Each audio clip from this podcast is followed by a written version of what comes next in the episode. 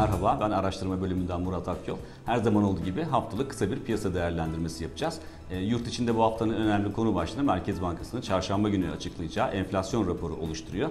Hatırlanacağı gibi e, son enflasyon raporunda Merkez Bankası e, yıl sonu tahmini %8.9 olarak açıklamıştı. Ancak o tarihten bugüne baktığımızda e, gerek TL'deki değer kaybı gerekse enflasyon beklentilerinin yukarı yönlü hareket etmesi Merkez Bankası'nın yıl sonu tahmininde yukarı yönlü revizyona gidebileceğine işaret ediyor.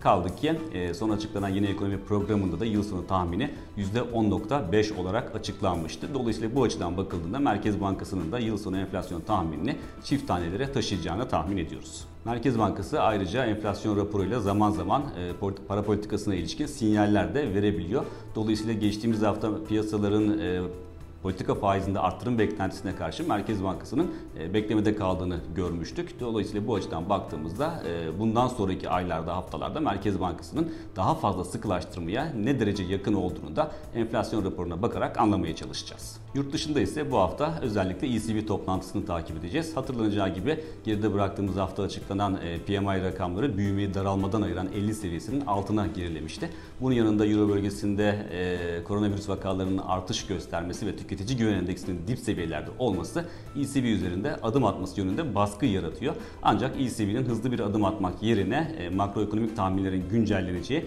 Aralık ayını bekleyeceğini tahmin ediyoruz. ECB'nin hızlı bir adım atmayı tercih etmesi durumunda ise bunun Euro bölgesinde tahvil faizleri üzerinde baskı yaratacağını ve Euro üzerinde de aşağı yönlü bir baskı yaratabileceğini söylemek mümkün. Zamanı kazanca dönüştürmek için ünlü The Club'ı izlemeye devam edin.